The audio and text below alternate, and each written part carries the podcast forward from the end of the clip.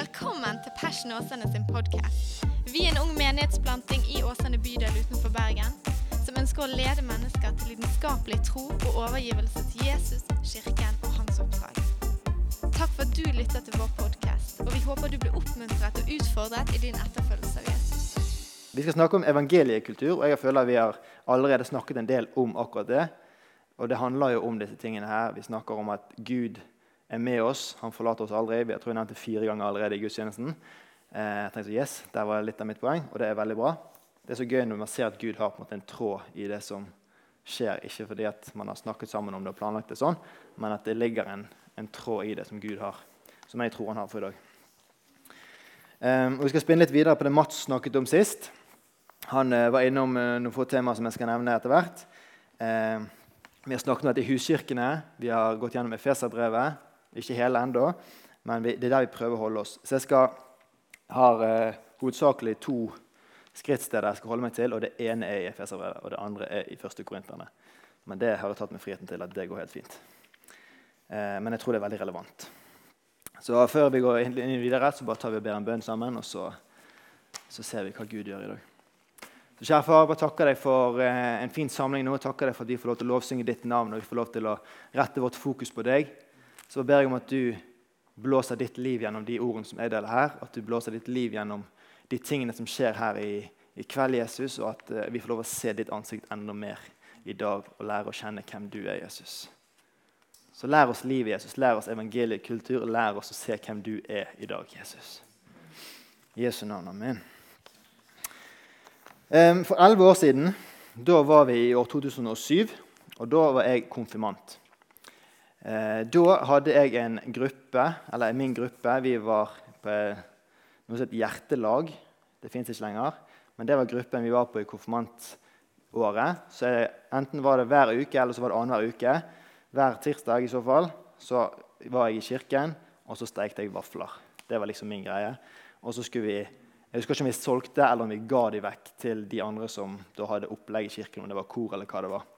Men Da var det først inn steike vafler, eh, blande den vanskelige røren, og så steke de og ta de med ut i gangen for å selge slash gi vekk. Eh, ja, det er sterke greier. Bare fest setebeltet. Eh, men greien her da, er at for å lage vafler så må du smelte smør. Ja, det blir bra. Men greien her igjen er at måten vi gjorde det på der, det var at man tok en kaffekopp, og så tok man så mye smør man skulle ha oppi den kaffekoppen, og så satte man den i mikrobølgeovnen. Det var liksom måten vi smeltet smør på. Og nå vet jeg ikke hvordan fysikken dette er, eller noen ting sånn der, men jeg antar at vannet i smøret blir varmet opp på en eller annen måte i mikrobølgeovnen, og så kommer smørlukten med vannet. på en eller annen måte. Så når vi åpner opp denne mikrobølgeovnen, så slår det jo denne smørlukten i trynet, og du føler liksom at alt rundt deg bare blir fettete. Til og med innsiden av nesen blir fettete. Så du går liksom og lukter på smør i en uke etter du har vært der. Det var for min erfaring. Og jeg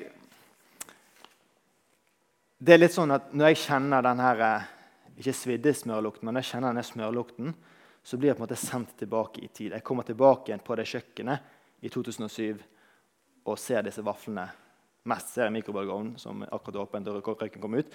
Men jeg blir på en måte sendt tilbake igjen til det her stedet her som jeg har vært en gang. Veldig fin tid, veldig gode vafler, og man spiste en del av det man uh, skulle gi vekk òg. Ehm, men det ble på en måte litt overdøvet av den smørlukten. Og du tenker kanskje, Hvordan henger dette sammen med noen ting? i det hele tatt? Men det gjør det. Bare vent. Eh, versene vi skal holde oss til i dag, er et vers som er i Efeserne 5. Eh, I første verset der og i andre verset. Og Der står det.: Bli derfor Guds etterfølgere, som Hans kjære barn, og vandre i kjærlighet slik også Kristus elsket oss og ga seg selv for oss en offergave og et blodig offer for Gud, som en velbehagelig duft.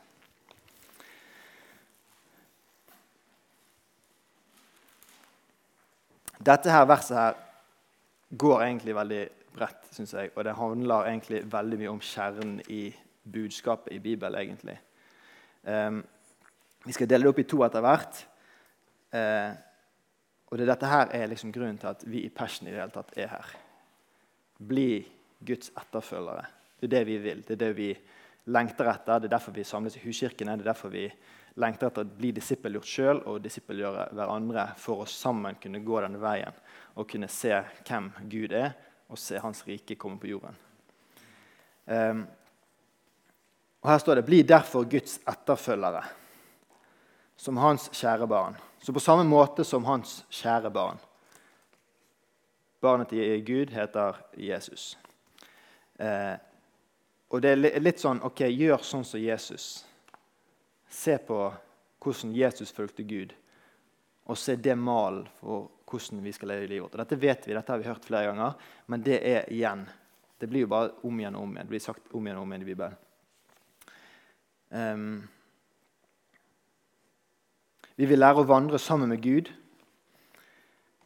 Vi kan sammenligne det med eh, barn som er avhengig av sine foreldre. Eh, om det skal være mor eller far. Det er å gjerne gjøre det de gjør. Man observerer. Man ser hva, hva er det mamma gjør som hun går rundt. Hun kryper ikke som jeg gjør, nødvendigvis, eller hun gjør disse tingene. Og så hermer man, om det er grimaser eller hva det skal være. Første måten barna lærer på, det er å imitere. De ser hva noen andre gjør, og så speiler de det gjerne. Eller de ser på hva de gjør, og så kopierer de gjerne og gjør samme tingene. Hvis dere har, kjent, hvis dere har søsken, så kanskje dere, om de er storesøsken eller lillesøsken, så er det ofte det jeg skal gjøre det der fordi min storesøster gjorde det. Jeg har storesøster, jeg gjorde alt hun gjorde. Og Jeg tror det handler mye om dette her. Man speiler de man ser, eller de man ser opp til. Og foreldre er en naturlig ting å se opp til. Og jeg tror det er det, noe, mye av det det handler om her. At vi skal kunne følge Gud sånn som hans barn. Um, dette gjelder jo oppvekst, gjøre i, liv, gjør i stand til livet. Disippelgjøring, om det er å lære å gå eller etter hvert å løpe, sykle eventuelt. Andre delen av verset her står det 'vandre i kjærlighet, slik også Kristus elsket oss og ga seg selv for oss'. En offergave og et blodig offer for Gud, som en velbehagelig duft, som en god lukt. Jeg tror dette her handler om å vite hvem Jesus er, for å, bli, for å bli forvandlet av det bildet man ser, og av den personen man møter, og av den kulturen han kommer med. Og Jeg tror mye her ligger i kultur. Hvis vi kan snakke om evangeliekultur, og jeg tror det handler om den kulturen som Jesus kommer med. Det er ikke rocket science. Jesus og evangeliet går hånd i hånd. Um, Jesus er evangeliet. Um, kom Jesus med dom, ild, svovel, helvetesforkynnelse, alle disse tingene her. Noe av det. Um, kommer med kjærlig tilgivelse, nåde, kraft, rettledning. Vi kjenner Jesus som en kjærlig bror, en kjærlig fyr som kom og, og kom med en, en, annen måte å se verden på. Han spiste sammen med de fattige, han spiste sammen med, med kvinner. Han delte, han delte det han hadde, med de fattige og de rike rundt seg. Han snakket til dem. Han behandlet mennesker likt på mange måter. De som var høye i systemet, tok han gjerne litt ned av og til. Du ser En rike mannen var ikke så gira på å gi vekk alt han hadde. Han hadde gjort ganske mye, men han hadde kommet til å gi fra seg sine penger for å, for å selge det han hadde, for å, komme, for å, gi det til de fattige, det ble for mye for han. Kanskje det ble identiteten hans. Kanskje det ble å satse litt for mye enn han kunne stole på Jesus.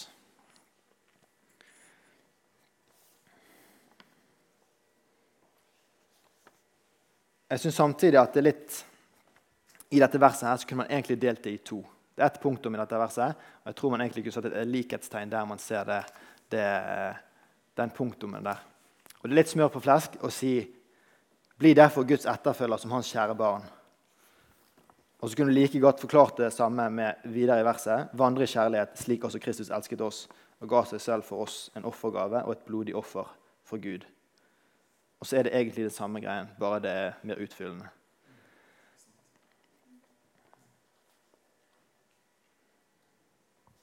Det er litt at man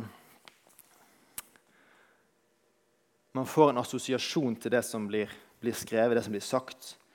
Um, det er en duft der som tar inn en annen dimensjon av noe. Du kan si åpenbaring kan være Du kan lese det samme verset 40 ganger, og det er det samme verset.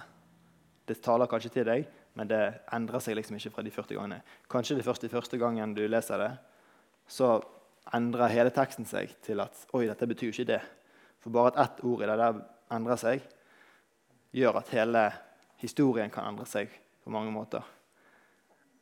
Og Det tror jeg òg handler om dette her med, med, lukt, gjerne. Det er kanskje et søkt bilde, men med smørlukt for min del så er jeg ikke jeg lenger her. på en måte. Eller da blir jeg sendt tilbake til noe annet. Da blir jeg sendt tilbake til en konfirmasjonstid der jeg stekte vafler, solgte de, spiste de og ser denne skitne mikrobølgeovnen full i smør. Nå er ikke meningen å sammenligne Jesus og smør, men jeg tror dere skjønner poenget mitt i at man kan assosiere eh, Man kan assosiere sin forståelse inn i kulturen, gjerne, eller inn i evangeliekulturen som vi snakker om her. Eh, forståelsen kan bli rikere. Legger du til lukt i en greie, så får du en, kanskje en rikere forståelse. Du kan være i Um, kommer du hjem til et hus og du kjenner, kjenner lukta nye boller, eller sånt, så er det gjerne en positiv assosiasjon inn i det å komme hjem. Kanskje du kjenner at skuldrene senkes. Kanskje du kjenner at du vil bare legge deg på sofaen og bare bli servert boller. eller hva du vil gjøre. Men det er liksom ting som er assosiert med sansene våre. Du kan se ting, Folk kan ha traumer fordi de har blitt påkjørt av en jeep, og så ser de en jeep, og så får de frysninger på det alle mulige greier som man får assosiasjoner med med våre sanser. Og Jeg tror det òg handler mye om inn i åpenbaring på hvordan man, man, opplever verden. Um, jeg skal sy det sammen. Det gir enda mer mening etter hvert.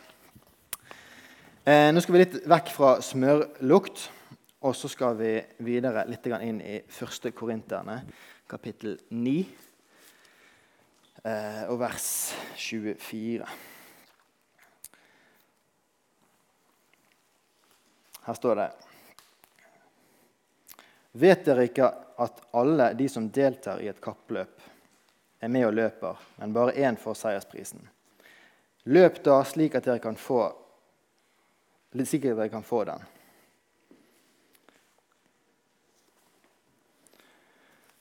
Dette verset her har jeg hørt en eh, god del preker om, og gjerne òg advarsler ikke mot, men at man bruker dette verset her som en advarsel. Du har kanskje hørt det at folk kan si eh, rolig nå, det, det, er et maraton, det, det, er ikke en sprint. Kanskje du har hørt den. Eh, gjerne rettet mot i hvert fall det som jeg har hørt det i.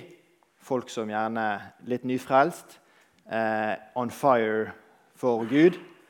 Alt skal endre verden, og så er alt stort og fint og flott. Møtt Gud på en herlig måte, helt fantastisk.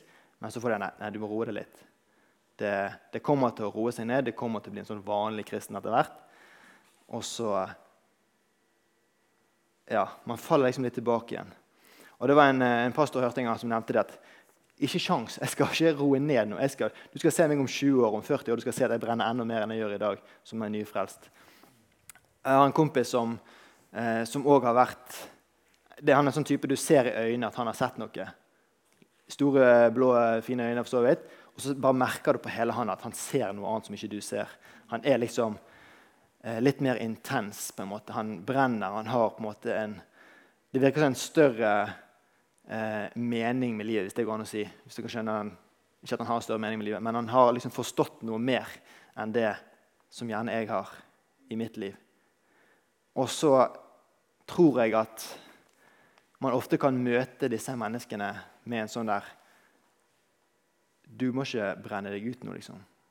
Nå må du være forsiktig, for dette her er ikke helt Det er fint og flott at du har den her i to-tre uker, to måneder.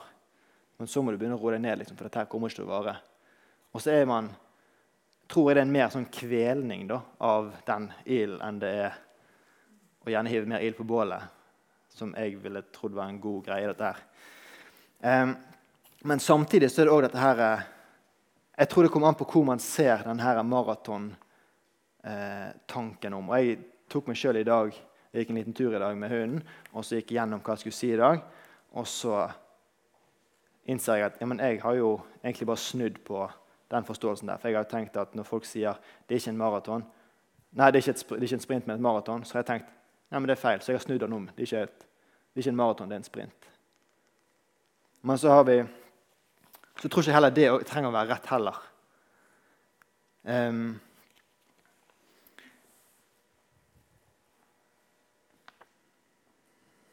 og så tror jeg det er sagt i kjærlighet. Jeg tror det er sagt for at, i bekymring for at mennesker ikke skal brenne seg ut, eller for at mennesker skal ta vare på seg sjøl. Og selvfølgelig, hvis det er at man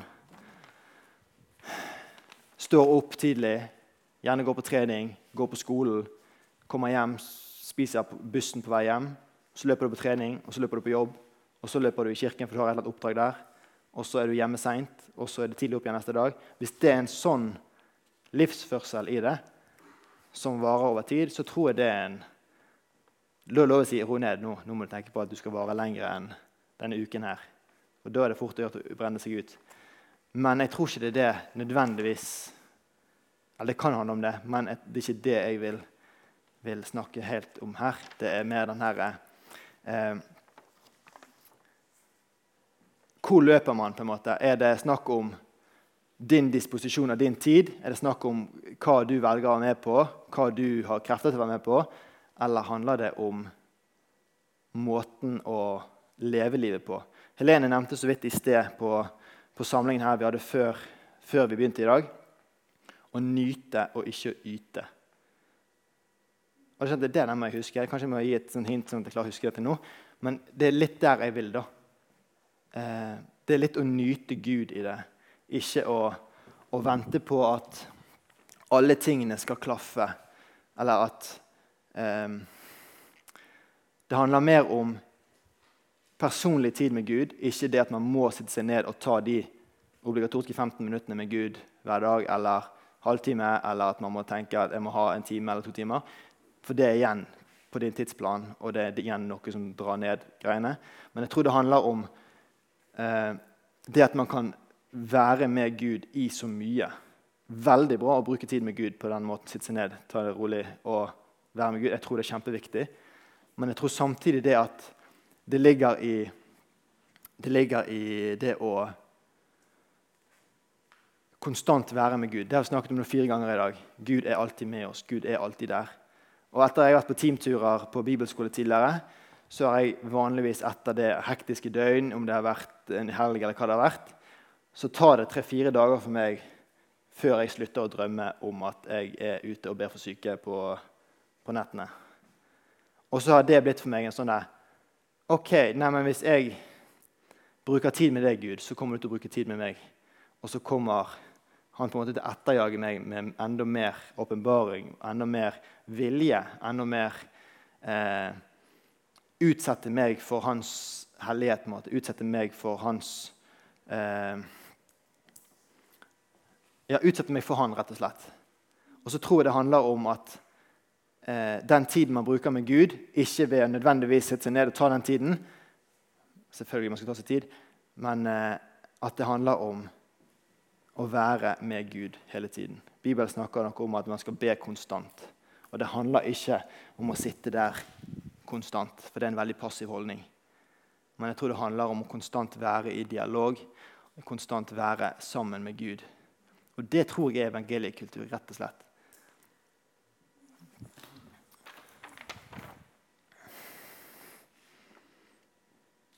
Jeg har alltid et Todd White-sitat, og her kommer det. The Bible doesn't say that it is a marathon or a sprint. It says it is a race. Are you going to run slow, or are you going to run fast? Og så igjen er ikke det en sånn Nei, men da vil jeg løpe fort. Det er ikke en sprint. Det er ikke det han sier. Det var sånn jeg tok det. Heldigvis gikk gjennom det før i dag. Men det er, det er bare et løp. Man er med, og så tror jeg Jesus har vunnet det allerede. Og så tror jeg at vi får lov til å være sammen. Vi får lov med på det stafettlaget eventuelt. Men det er Jesus som er med på sjarmøretappen. Uansett hvor langt foran de andre er, så kommer han til å være først i mål. Nå skal jeg ikke endre dette til å være hva gren det skal være, for det igjen blir, blir litt contradicting til det jeg har sagt. Um, men så tror jeg det igjen det handler om, for å koble tilbake til det verset vi fant i Efeserne Eh, før vi kan løpe, må vi lære å krype og å gå. Eh, jeg vet ikke om dere har sett barn som gjerne ikke så altfor lenge siden de har lært seg å gå, og kanskje ikke så altfor lenge siden de har lært seg å løpe. Men så løper de bortover, og så venter du egentlig bare på nå faller de snart. Litt sånn hjerte i halsen. Det, den ungen der kommer til å falle nå. Jeg rekker ikke bort til den nå før den faller, men du venter på at den faller, og så faller barnet etter en liten stund. Og så går man bort til det barnet, hjelper det opp igjen, sitter det på kneet sitt, blåser av kneet om det er det som er skadet, eller hjelper det opp igjen, og så plutselig ser det ut og løper igjen. Og så tror jeg dette her handler om å være Guds etterfølgere, sånn som hans barn. Jeg tror Gud hjelper oss opp når vi faller, når vi løper litt fortere enn vi egentlig kan. Eh, snubler i våre egne bein. Selvfølgelig Av og til løsner skolissen. Av og til skjer ting som gjør at man må stoppe litt opp. Selvfølgelig, Og da går man og knyter den skoen, og så er man på gang igjen. Og så løper man sammen.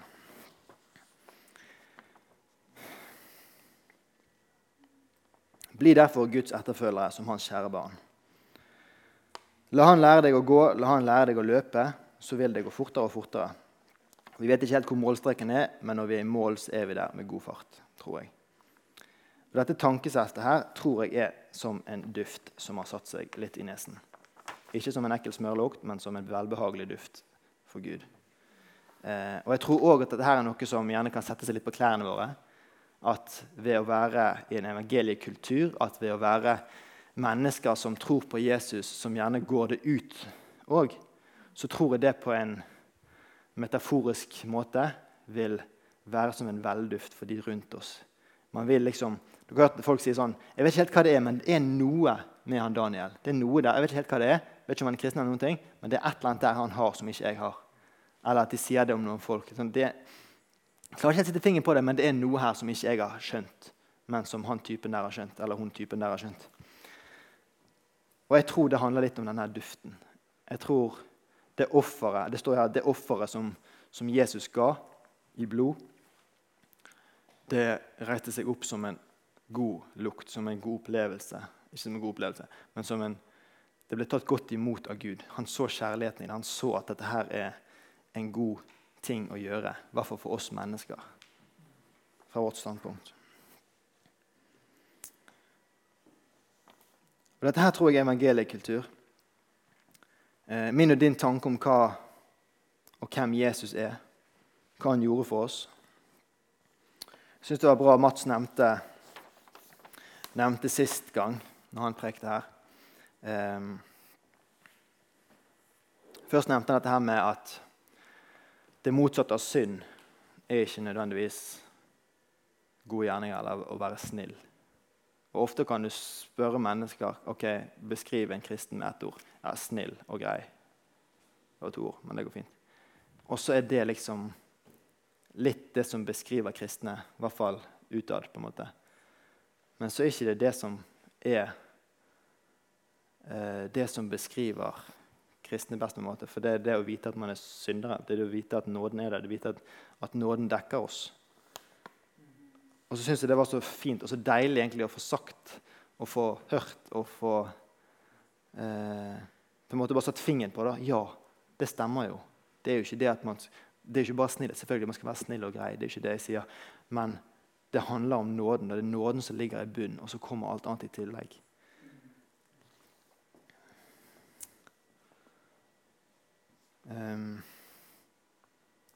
Evangeliekultur er igjen en kultur av gode gjerninger. Og jeg vil påstå at Guds handlingsplan fra skapelsen Mats nevnte også sist dette her med at det var nåde av Gud å vise Adam og Eva ut av Edens hage. Og Jeg vil ikke tro at Adam og Eva tenkte at det var snilt gjort av Gud å sende oss ut av hagen. Men det var nødvendig. Det var nåde. Det var det som var viktig. Det er det som gjør at vi sitter her i dag. At ikke de fortsatt gikk rundt og sultet inn i den hagen og ødelagt enda mer. på en måte. Så tror jeg at hele det løpet fra Edens hage, fra de ble sendt ut av hagen, til Abraham skulle gå til Ur um, Moses og Jakob i Egypt, um, denne utgangen til det lovede land, Babel, Betlehem, Nasaret, Jerusalem Hele pakken. Og så tror jeg til og med at apostelens gjerninger ut i verden Jesus dør på korset, eh, vi som sitter her i dag, jeg tror vi er en del av den Guds handlingsplan da, som jeg vil sette et likhetstegn på, er evangeliekultur. Guds plan ligger, er evangeliekultur. Jeg tror at eh, der vi går sammen med Gud, så erfarer vi mye av den måten eh, vi kan vi kan endre kulturen vår på, at vi kan endre samfunnet. Om det er i Bolivia eller om det er her, så tror jeg at det er Gud som er forskjellen i, i verden. på en måte.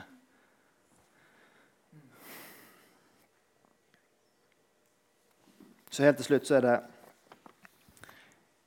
La Gud ta plass i livet, og evangeliets duft for å si sive fram og møte med nye, nye, mennesker. Og så tror jeg litt at denne, dette er noe, eller den, der, den, tingen som er litt ekstra kanskje for kristne, eller som er en eller annen sånn eh, X-faktor, eller hva man vil kalle det. Den, den lille, lille tingen som er peiler egentlig mot Jesus, som gjerne folk ikke skjønner. Jeg tror det er en sånn, sånn eh,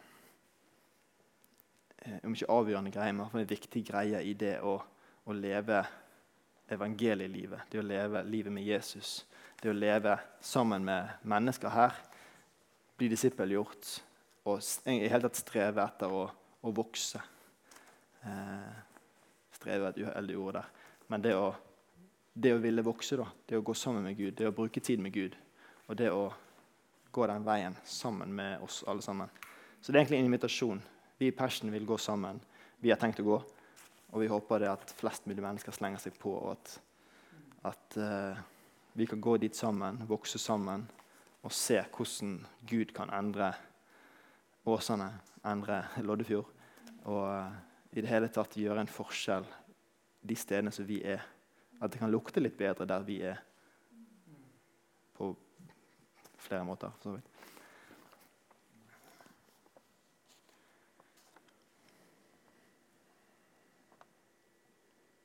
Skal bare lese det verset en gang til nå før vi, før vi gir oss helt, så kan Mathias komme opp og sånn. Bli derfor Guds etterfølgere, som hans kjære barn, og vandre i kjærlighet, slik også Kristus elsket oss og ga seg selv for oss. En offergave og et blodig offer for Gud, som en velbehagelig duft. Takk for at du lyttet til Passion Åsane sin podkast. Hvis budskapet inspirerte deg, del det gjerne videre, slik at enda flere kan bli styrket av Guds ord. Gud har en plan for ditt liv. Følg Jesus lidenskapelig og bety en forskjell for mennesker i din verden.